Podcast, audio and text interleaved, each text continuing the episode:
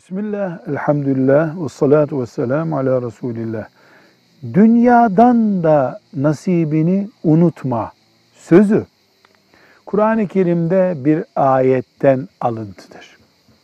وَلَا تَنْسَ نَصِيبَكَ مِنَ dünya.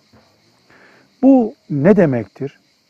Yani Müslüman ahiret için yaşıyor diye dünyayı tamamen bırakar, sefil olur. Doğru değil demektir. Evet ana gaye, asıl gaye ahirettir. Dünya bir araçtır. Araç kadar değer vermek gerekir. Dünyayı imtihan yeri iken yaşanılacak, kalınılacak bir yer yapmamak demektir. Bu salih insan olduğu zaman, Allah'tan korkan bir insan olduğu zaman malın, dünyanın Müslümanın elinde de gerekli ve güzel olduğunu göstermektedir. Dünyadan da nasibini unutma ifadesi ayettir.